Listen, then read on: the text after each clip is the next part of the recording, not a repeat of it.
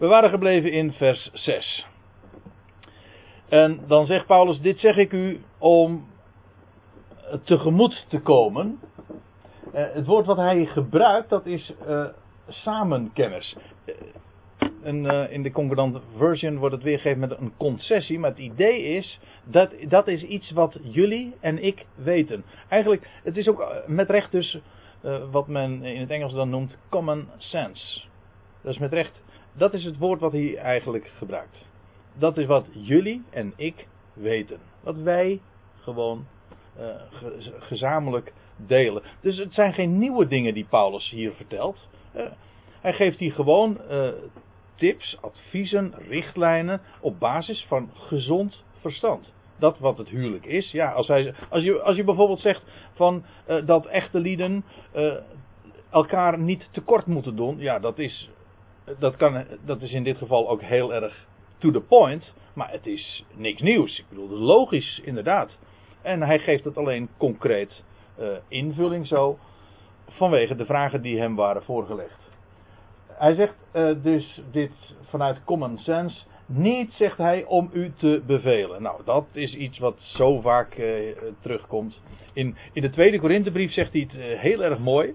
Ik geloof dat het hoofdstuk 1, vers 24 is uit mijn hoofd. Dat vind ik wel een hele mooie samenvatting of een beschrijving daarvan. Ja, laatste vers van het eerste hoofdstuk. Van de tweede brief dus. Niet, zegt hij, dat wij heerschappij, heerschappij voeren over uw geloof. Nee, wij zijn medewerkers aan uw blijdschap. Want door het geloof staan jullie vast. Dat wil zeggen, jullie hebben toch al je vastheid gevonden in het geloof. Dat wil zeggen, in dat wat je mag weten, wat je medegedeeld is. Hij zegt maar, wij zijn slechts medewerkers aan jullie blijdschap. Ja. Geen heerschappij over jullie geloof. Absoluut niet. Dat is juist de vrijheid waarin we geplaatst zijn. Het is ook uh, belangrijk om vanuit die mindset, zeg maar, ook 1 Korinthe 7 te lezen. Ik, ik heb bijvoorbeeld een commentaar gelezen. Uh, ook in de aanloop van, van de, deze studie, als je je dan bezighoudt met het hoofdstuk. En toen las ik een theologisch commentaar. En toen ging het er even om dat Paulus zegt. In een van de navolgende versen. Van ik, waar, ik, ik, ik zou wensen dat jullie allemaal waren zoals ik. En dat er een heel. Uh, dat dan dat becommentarieerd wordt. Hoe kan Paulus dat toch zeggen? Want stel je voor dat iedereen vrijgesteld zou zijn. Want dan zou er, dan zou niemand meer getrouwd zijn. Dan zouden dus ook uh, geen kinderen meer verwekt worden. En, uh, nou, en, en, dan, zou dus, dan zou de wereld eigenlijk ophouden te bestaan. Einde christendom, ja. Nou ja, kijk, dat soort, dan, dan plaats je het zo buiten de context van de specifieke vragen die Paulus hier beantwoordt. Hij zegt helemaal niet van jullie zouden allemaal moeten zijn. Nee, hij zegt vanuit zijn optiek, en hij motiveert het ook, zou, het, zou ik het prachtig vinden als, als jullie allemaal zo waren. Dat is een heel ander, is een totaal andere insteek. Niet van zo moet dat. Dat is, dan, dan, dat is weer dat, dat hele uh, dogmatisch gedacht. En uh, zo als een, alsof Paulus hier een, een, een wet stelt. Totaal niet aan de orde. Niet om u te bevelen. Ik zou, ja, terwijl we het erover hadden, ik wist dat het nu ongeveer zou gaan komen, maar inderdaad, het is vers 7 van uh, hoofdstuk 7. Ik zou wel willen dat alle mensen waren zoals ik zelf. dat wil zeggen, ik, ik, ik moet er eens aan denken dat hij ook zoiets zegt tegen de, uh, als hij voor Agrippa staat, in handelingen 24. Nee, 26. Even, dat is, dat is leuk. Even leuk om op te slaan. Handelingen 26. Er staat niet gepland, maar dan zegt hij ook zoiets. Ja, dan staat hij voor Agrippa, heeft hij een, uh, zich zo verdedigd en dan zegt hij op een gegeven ogenblik wordt hij onderbroken. En er staat er in vers 24. En terwijl hij dit tot zijn verdediging aanvoerde, zei de Festus, die daarbij was, dat was een stadhouder, uh, met luide stem: Je spreekt wartaal, eh, Paulus. Uw vele studie brengt u in de war. Letterlijk staat: Je bent gek, Paulus. En dan zegt Paulus: Nou, hoogedele Festus, ik spreek geen wartaal, maar nuchtere waarheid. En dan, nou ja, dan gaat hij nog even verder. En dan zegt op een gegeven ogenblik Agrippa, die de, hete, de grond een beetje te heet onder de voeten wordt. Van, maar Agrippa zei tot Paulus: Gij wilt mij wel spoedig als christen laten optreden. En Paulus zeide: ik zou, wel, ik zou God wel willen bidden dat en spoedig en voorgoed niet alleen gij, maar ook allen die mij heden horen, ook zo werden als ik. En dan zegt hij erbij: Uitgezonderd deze boeien. Dat wil zeggen, ik wou dat jullie allemaal waren zoals ik, maar dan zonder boeien AUB. dat is humor trouwens, hè. Ja.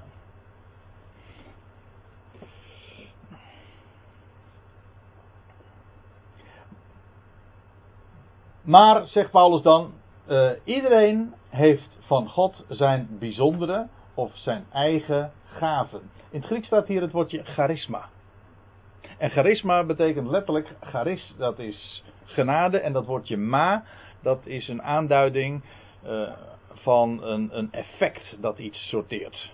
Heel veel woorden in Griekse woorden eindigen met ma en dat betekent dat het is het effect daarvan. Dus een charisma, als je het heel letterlijk vertaalt, dan zou je moeten zeggen het is een, een genade of een vreugde-effect. Dus, uh, dat is toch veel mooier. Iedereen heeft zijn, uh, een, eigen, een eigen charisma. Dat wil zeggen, degene die de charis kennen, de genade gods. Charis is, is genade. Is, genade betekent letterlijk vreugde om niet. Je krijgt vreugde. De grondbetekenis van het woordje charis, dat is vreugde. Maar het idee daarbij is, het is om niet. Je ontvangt het. En een charisma, dat is het genade-effect. Maar het is logisch dat aangezien wij allemaal verschillend zijn, qua aanleg, qua achtergrond, qua postuur, nou noem maar op. We zijn allemaal nu eenmaal anders. Al was het maar omdat de ene een man is en de andere is een vrouw. Maar het effect dat genade heeft op jou, of op mij, of op u, is, weer, is altijd weer verschillend. Waarom? Omdat wij allemaal verschillend. De genade is iedere keer weliswaar hetzelfde, maar het effect dat het heeft in ieders leven is weer anders. En uh, Paulus uh, gaat daar later in uh, hoofdstuk 12 uitgebreid nog op in over die charismata, zo heet dat. De, het, de verschillende effecten die genaden sorteert. De een be, bewerkt het andere vaardigheden ook dan weer bij de ander. Maar het is allemaal het effect van genade in iemands leven. Nou, Paulus zegt uh, ik, dit, is mijn genade, dit is mijn genade effect. Het heeft bij mij bewerkt. Het loutere feit dat Paulus vrijgezel was, hij was niet getrouwd. En hij had ook helemaal niet de drang, hij miste dat, hij miste dat niet, of in ieder geval kon dat heel goed handelen, zeg maar. hij zegt, dat is een genadegave, charisma. Dat kan je dus nooit opleggen, dat doet Paulus ook helemaal. Hij geeft geen bevelen, hij zegt alleen, ja, het is erg mooi. Het is een geweldig charisma dat, eh, dat hem was toebedeeld. En zo heeft Paulus dat ook heel sterk ervaren. En ik begrijp dat ook als je er even over doordenkt en logisch daarover over redeneert, is dat ja, volstrekt logisch. Een man die, die zo'n geweldige boodschap kende. En dat overal wilde bekendmaken. Hij was zo krachtig geroepen ooit en hij had een missie gekregen. Het was voor hem gewoon pure genade dat hij in die vrijheidsstand niet de binding had van een huwelijk. En ook, en hij dat niet alleen, hij, hij was niet alleen maar niet getrouwd. Maar hij heeft dat ook niet als een gemis ervaren. Integendeel, hij heeft dat als een, een geweldige uitdaging beschouwd. En een hulpmiddel in, zijn, in, in dat wat zijn missie was. Waartoe hij gedrongen was. Het was dus maar niet alleen maar zijn taak. Hij zegt: De liefde van Christus dringt mij. Het was van binnenuit. En, en ja, dan zou een, de huwelijksband zou een, uh, met recht een, een, uh, een ketting geweest zijn voor zo'n man. En in, al, en in veel opzichten kan een, een huwelijk een, een enorme binding ook geven. Je belemmeren in je gang. Ja.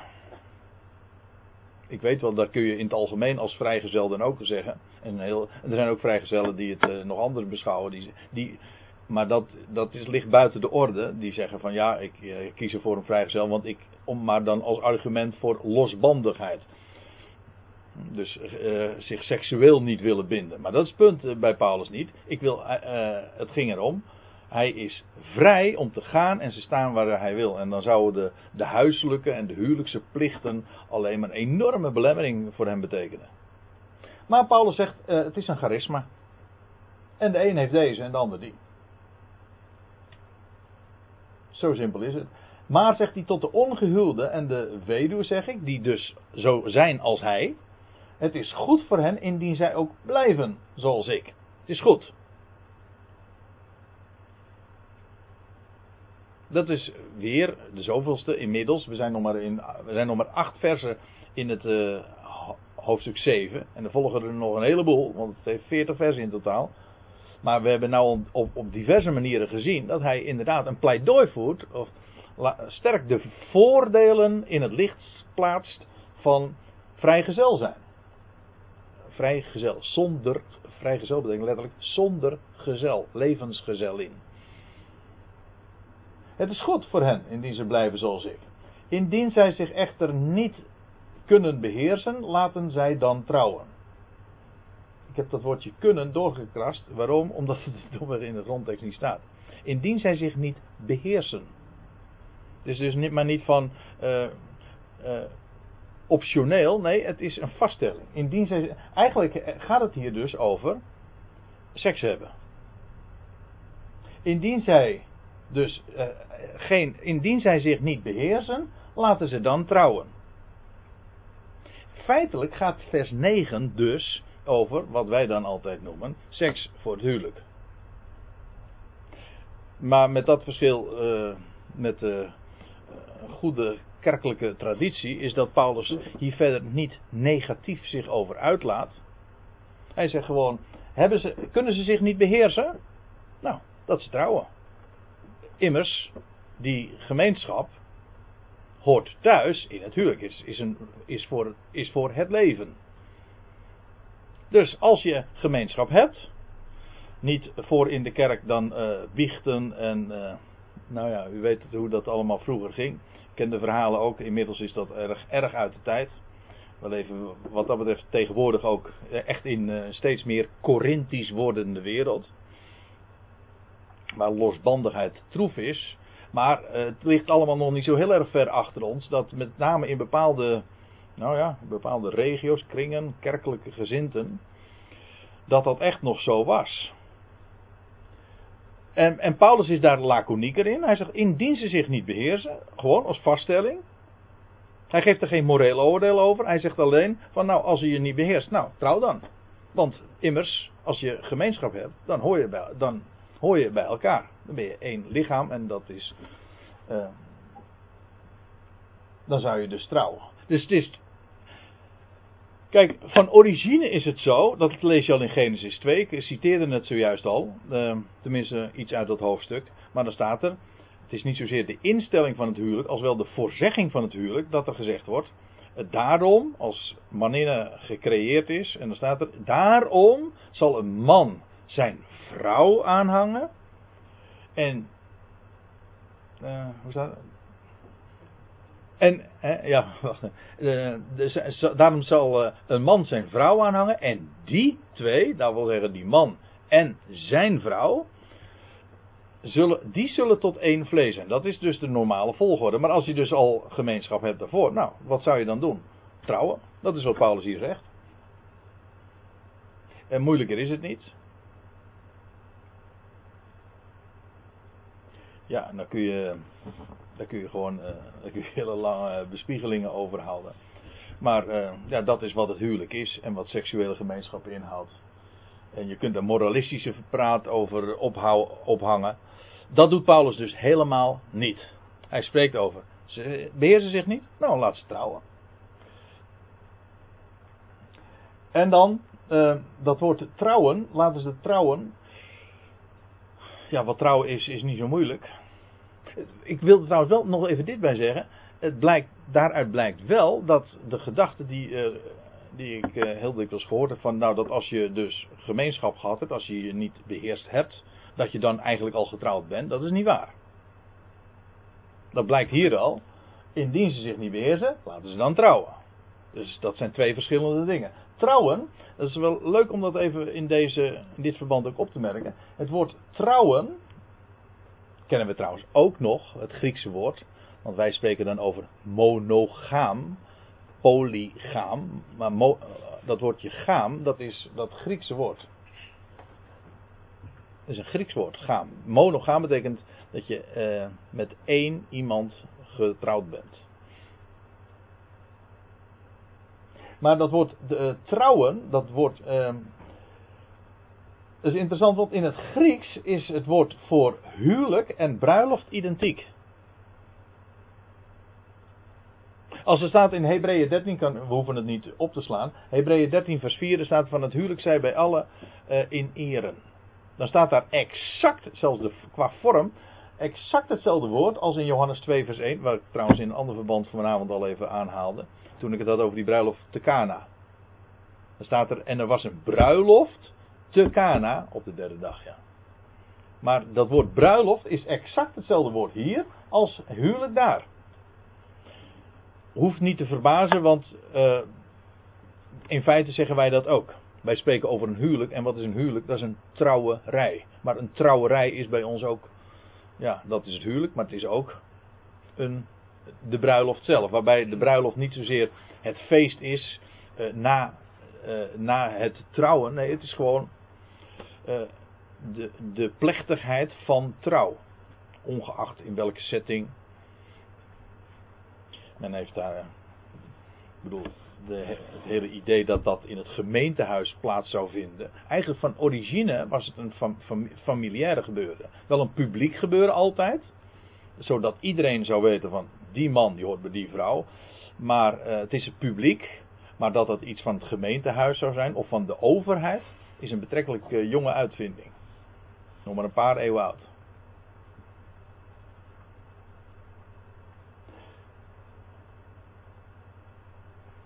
Maar het is een, een, op zich dat die plechtigheid van een man die zijn vrouw trouwt, die dateert dus eigenlijk al vanaf de dagen van Adam.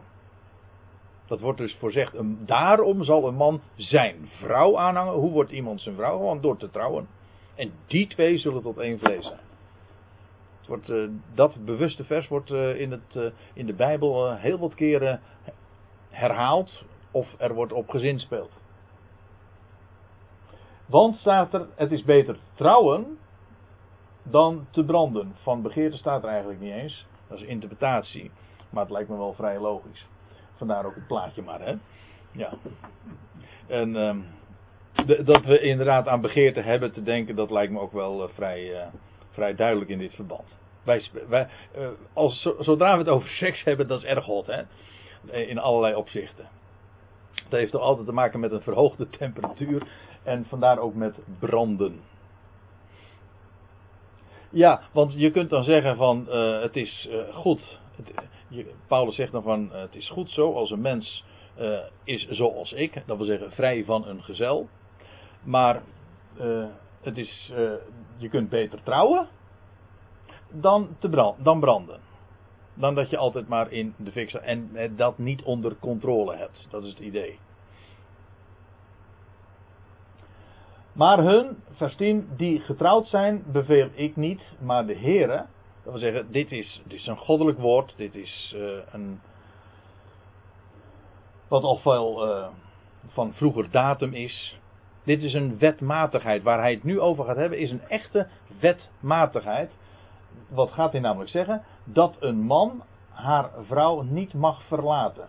Nou, ook hier moet ik weer zeggen, dat woordje niet mogen staat er niet eens zozeer.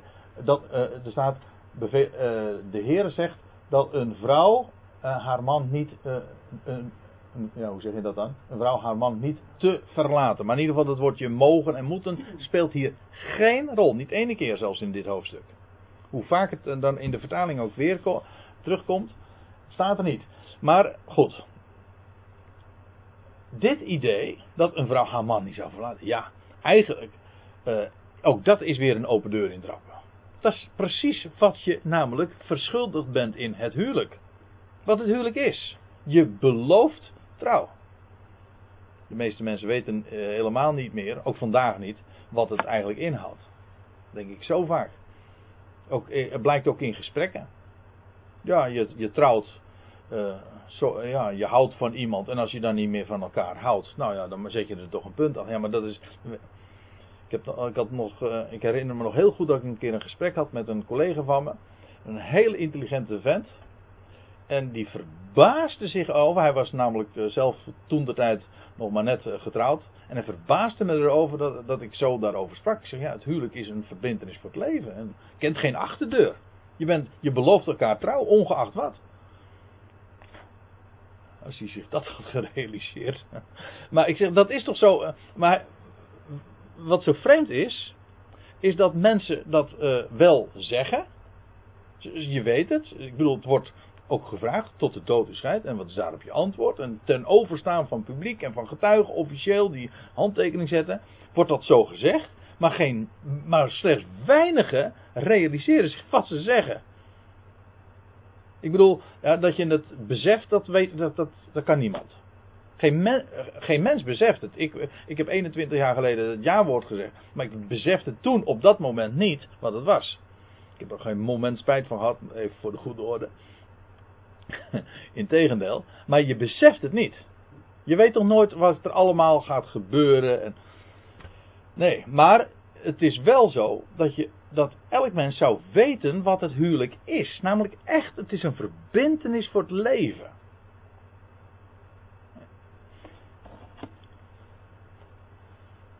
Paulus zegt later in 1 Corinthië 7, vers 39, dus één de laatste vers van dit hoofdstuk. Een vrouw is gebonden zolang haar man leeft. En vice versa ook, een, een vrouw ook. Of een man aan haar vrouw, eh, aan zijn vrouw. Maar indien haar man is ontslapen, is zij vrij om te trouwen. Dus het is inderdaad een verbindenis voor het leven. Matthäus 19, vers 6, daar zegt Jezus: Zo zijn zij niet meer twee, maar één vlees. En hetgeen dan God samengevoegd heeft, gaat er niet om dat hij Jan, Jantje en Marietje bij elkaar gebracht heeft. Dat is het idee niet. Maar het, hij, heeft die ins, hij heeft dat zo bij elkaar gebracht. Man en vrouw in het algemeen. Nou, als God heeft dat bij elkaar gevoegd, man en vrouw. En hij voegt dat samen en dat scheiden de mens niet.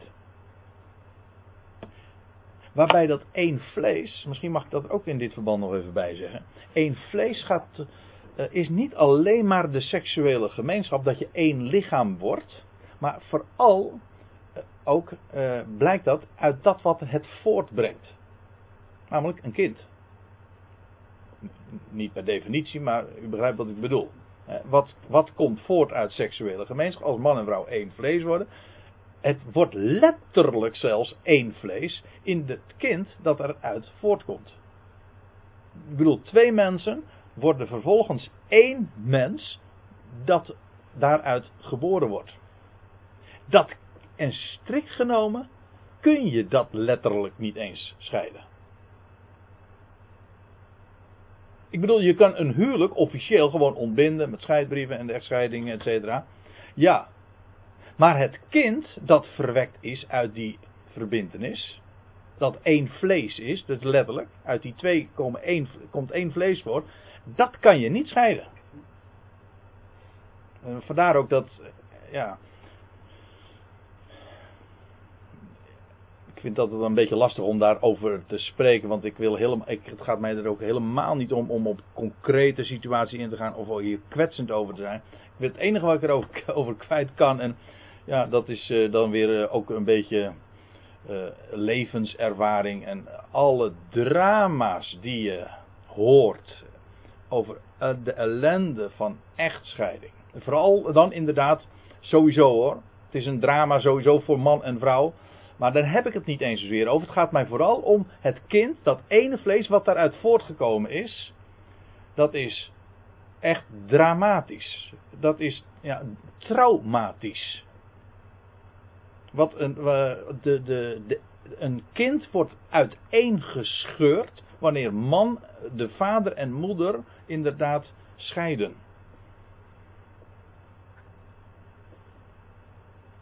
Als ik het zo lees ook, namelijk betrekking hebbend op de kinderen, dan kan een mens dat zelfs niet eens scheiden.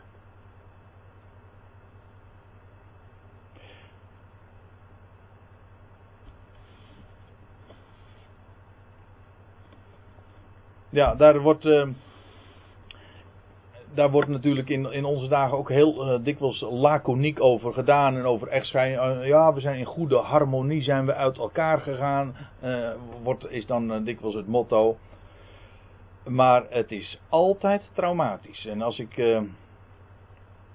als ik laatst had ik nog weer iemand aan de telefoon en die, die vertelde even zo over, de, over alle toestanden die dat geeft, ook voor een kind. trouwens, vraag het maar aan leerkrachten uh, waarbij die, die, die kinderen onder, in hun klasse hebben en waarbij de ouders in scheiding liggen. Uh, de schoolprestaties en het heel, hele welbevinden gaat, met, gaat echt gigantisch omlaag. In alle opzichten, met alle gevolgen uh, nog weer van dien. Ook op langere termijn. Ja. Ook op latere leeftijd. Ook op latere leeftijd. Ja. Ja. Maar ik, heb vrienden die, uh, ouders die zijn op latere leeftijd uit elkaar gegaan. Toen waren zij al lang volwassen, maar die hebben allebei wel psychische Problemen daar. problemen. Ja. Ja, ik, heb, ik had onlangs nog een gesprek met een man. Uh, die, uh, die inmiddels uh, 6, 67 jaar is. Zijn ouders waren uit elkaar gegaan. Toen was hij inmiddels al 18 of 19. Hij, ja, een bijna volwassen kerel. En nog, het was een, het is een hele nuchtere man. En helemaal niet geëmotioneerd. Maar de tranen stonden in zijn ogen toen hij ging praten over de scheiding van zijn ouders. En dat, heeft, hij, hij zei, dat raak je je hele leven niet meer kwijt. Was het een vent inmiddels al van een jaar of 18, 19 zelfs. Ja, dat is, daar moet je niet gering over denken. Vandaar ook die, uh, en dat is nu het punt wat ik maak want het gaat me nu helemaal niet om zulke dingen te bespreken. Het gaat me even om het vanuit het woord te laten zien. Een man en een vrouw die getrouwd zijn, elkaar trouw hebben beloofd, heel plechtig voor het leven, die horen bij elkaar voor het leven. Door in goede dagen en in kwade dagen, hoe moeilijk het ook gaat, en dat is een eenheid. En ja, dat kan ook alleen maar echt stand houden met een fundament wanneer je ook weet hebt van een God die trouw houdt. Want ja, ik denk nu wel eens een keer, waarom, uh, waarom gaan trouwerijen, huwelijken, uh, waarom stranden ze? Nou, daar kun je een heleboel van zeggen. Maar in elk geval ook omdat we dat fundament niet meer hebben van een, de wetenschap. Er is een God. Dat kennen we niet meer. Dat er een God is. Alles is. Hm, hebben we weggeredeneerd. Maar ook een God die trouw is. Die zich houdt aan zijn woord en zijn schepping nooit opgeeft. Ook zijn volk Israël. Even los van welke context en welke, in welk perspectief je het ook plaatst. Maar hij is een God die trouw houdt. En ook al is de ander ontrouw, hij blijft getrouw. Nou, dat is trouw. En als de ander niets aan zijn verplichtingen voldoet, dan doe ik het dubbel. Dat is eigenlijk wat er echt verbond is vaak is zeggen, oh ja, maar die ander houdt zich niet meer aan de regels, of dat, die houdt zich niet aan zijn belofte. Nou, dan doet de ander het juist dubbel. Dus wat de ander tekort komt, dat geef jij. Kijk, dat is een heel ander, heel ander oogpunt, een heel ander perspectief waarin je dit dan plaatst. Eenheid, trouw. Nou, laten we even nog uh, daarop terugkomen. Paulus zegt dan in vers 11: Is dit toch gebeurd? Wat bedoelt hij nou? Dat wil zeggen, is, heeft, laten we eventjes dat teruglezen, dat een vrouw haar man niet zou verlaten. En dan zegt hij, is dit toch gebeurd? Dus heeft de vrouw wel haar man verlaten? Dan moet zij, of let, ook hier weer, laat zij dan ongehuwd blijven. Waarom? Nou, dan staat er vervolgens achter, of zich met haar man verzoenen. En staat er dan nog bij, en een uh, man moet zijn vrouw niet verstoten. Of zou zijn vrouw niet loslaten. Dus het geldt voor, uiteraard voor beide. Logischerwijs.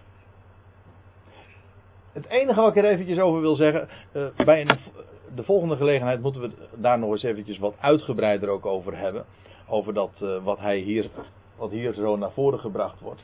Over dat ongehuwd blijven. Maar het doelstelling is dit. Is deze. Verzoening. Dit is typisch Paulus. Het woord verzoening, of varianten daarvan, vormen daarvan, uh, vind je alleen bij Paulus, zoals je dat hier ook op het scherm ziet. En verzoening wil, heeft te maken met twee partijen die ver, van elkaar vervreemd zijn, of misschien zelfs vijandig zijn ten opzichte van elkaar, en die weer één worden, waar weer vrede komt. En hier wordt gesproken, kijk op het moment dat zij uh, wel zou trouwen, dan is er dus geen verzoening meer mogelijk. Vandaar dat hij Paulus zegt, ongehuwd blijven. Je, je hebt initiatief genomen, je hebt je, vrouw, je man verlaten. Oké. Dat, is, dat is A, niet zoals het hoort, want je zou bij je man blijven. Maar dan zou je ook ongehuwd blijven. Ja, of je met je partner uh, of je huwelijkspartner verzoenen. Wij leven uit de verzoening. En dan zie je ook dat dat wat we geloven. We geloven in een God van trouw. We geloven in een God die verzoent. Die ook de ergste conflicten en ook de grootste vijanden tot zich verzoent. Dat is toch de boodschap van verzoening? De verzoening van de wereld. Hij verzoent alles. Maar het geweldige is juist, dat is maar niet alleen maar iets wat we eh, van het grote plaatje, van het hele grote geheel, maar het is ook iets wat waar we uit mogen leven. Namelijk dat we leven uit verzoening. Is er vijandschap? Dan maken we het weer goed.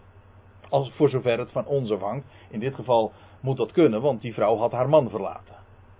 Dat is de situatie die hier beschreven staat. En een heel andere vraag is natuurlijk, en daar moeten we het de volgende keer nog maar eens over hebben. Hoewel dat hier niet eens direct, indirect wel, maar direct aan de orde komt, namelijk als een vrouw door haar man verlaten is. Daar gaat het hier niet over. Het gaat hier over een vrouw die haar man verlaten heeft. En dan staat er, dan zegt Paulus, is dit gebeurd? Nou, laat er dan ongehuwd blijven. Want dan ben je domweg niet geschikt eigenlijk om. Je bent nog getrouwd. Nou, dan zou je ongehuwd blijven, dus niet een andere huwelijk aangaan. Dan wel, uiteraard, met het oog uh, op verzoening. Dat is de boodschap. Verzoening. Hoe groot het conflict ook kan zijn. Want ja, ik weet niet waar, aan welke situatie Paulus hier refereert. En waar, waar hij over is aangeschreven. Maar in elk geval, de boodschap is een duidelijke. Verzoening. Dat is waar we uit mogen leven. En voor God is er geen vijandschap te groot of hij verzoent het. Wel, dat mag ook onze attitude, onze houding zijn in het leven. Geen vijandschap zo groot of zijn vrede en zijn liefde overwint en overtreft dat altijd. Nou, dat lijkt me een hele mooie gegeven om eh, deze avond eh, mee af te sluiten.